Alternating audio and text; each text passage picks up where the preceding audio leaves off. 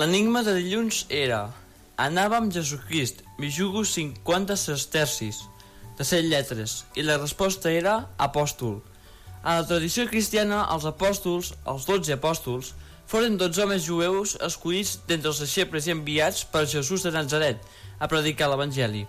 Per altra banda, els sestercis foren unes monedes romanes de plata que s'utilitzaven a l'imperi romà, amb les quals els soldats feien apostes, és a dir, apostaven. Apostaven, apòstol... Lliga la idea? Apòstol, que sí. Bona tarda a tothom. Som dimecres, són les 12 i això és Martí d'Enigmes. Anem pel segon enigma de la Setmana Santa. Recordeu que té a veure amb la religió. Atents. Profeta que busca feina pacientment a Anglaterra. De tres lletres. Profeta que busca feina pacientment a Anglaterra. De tres lletres.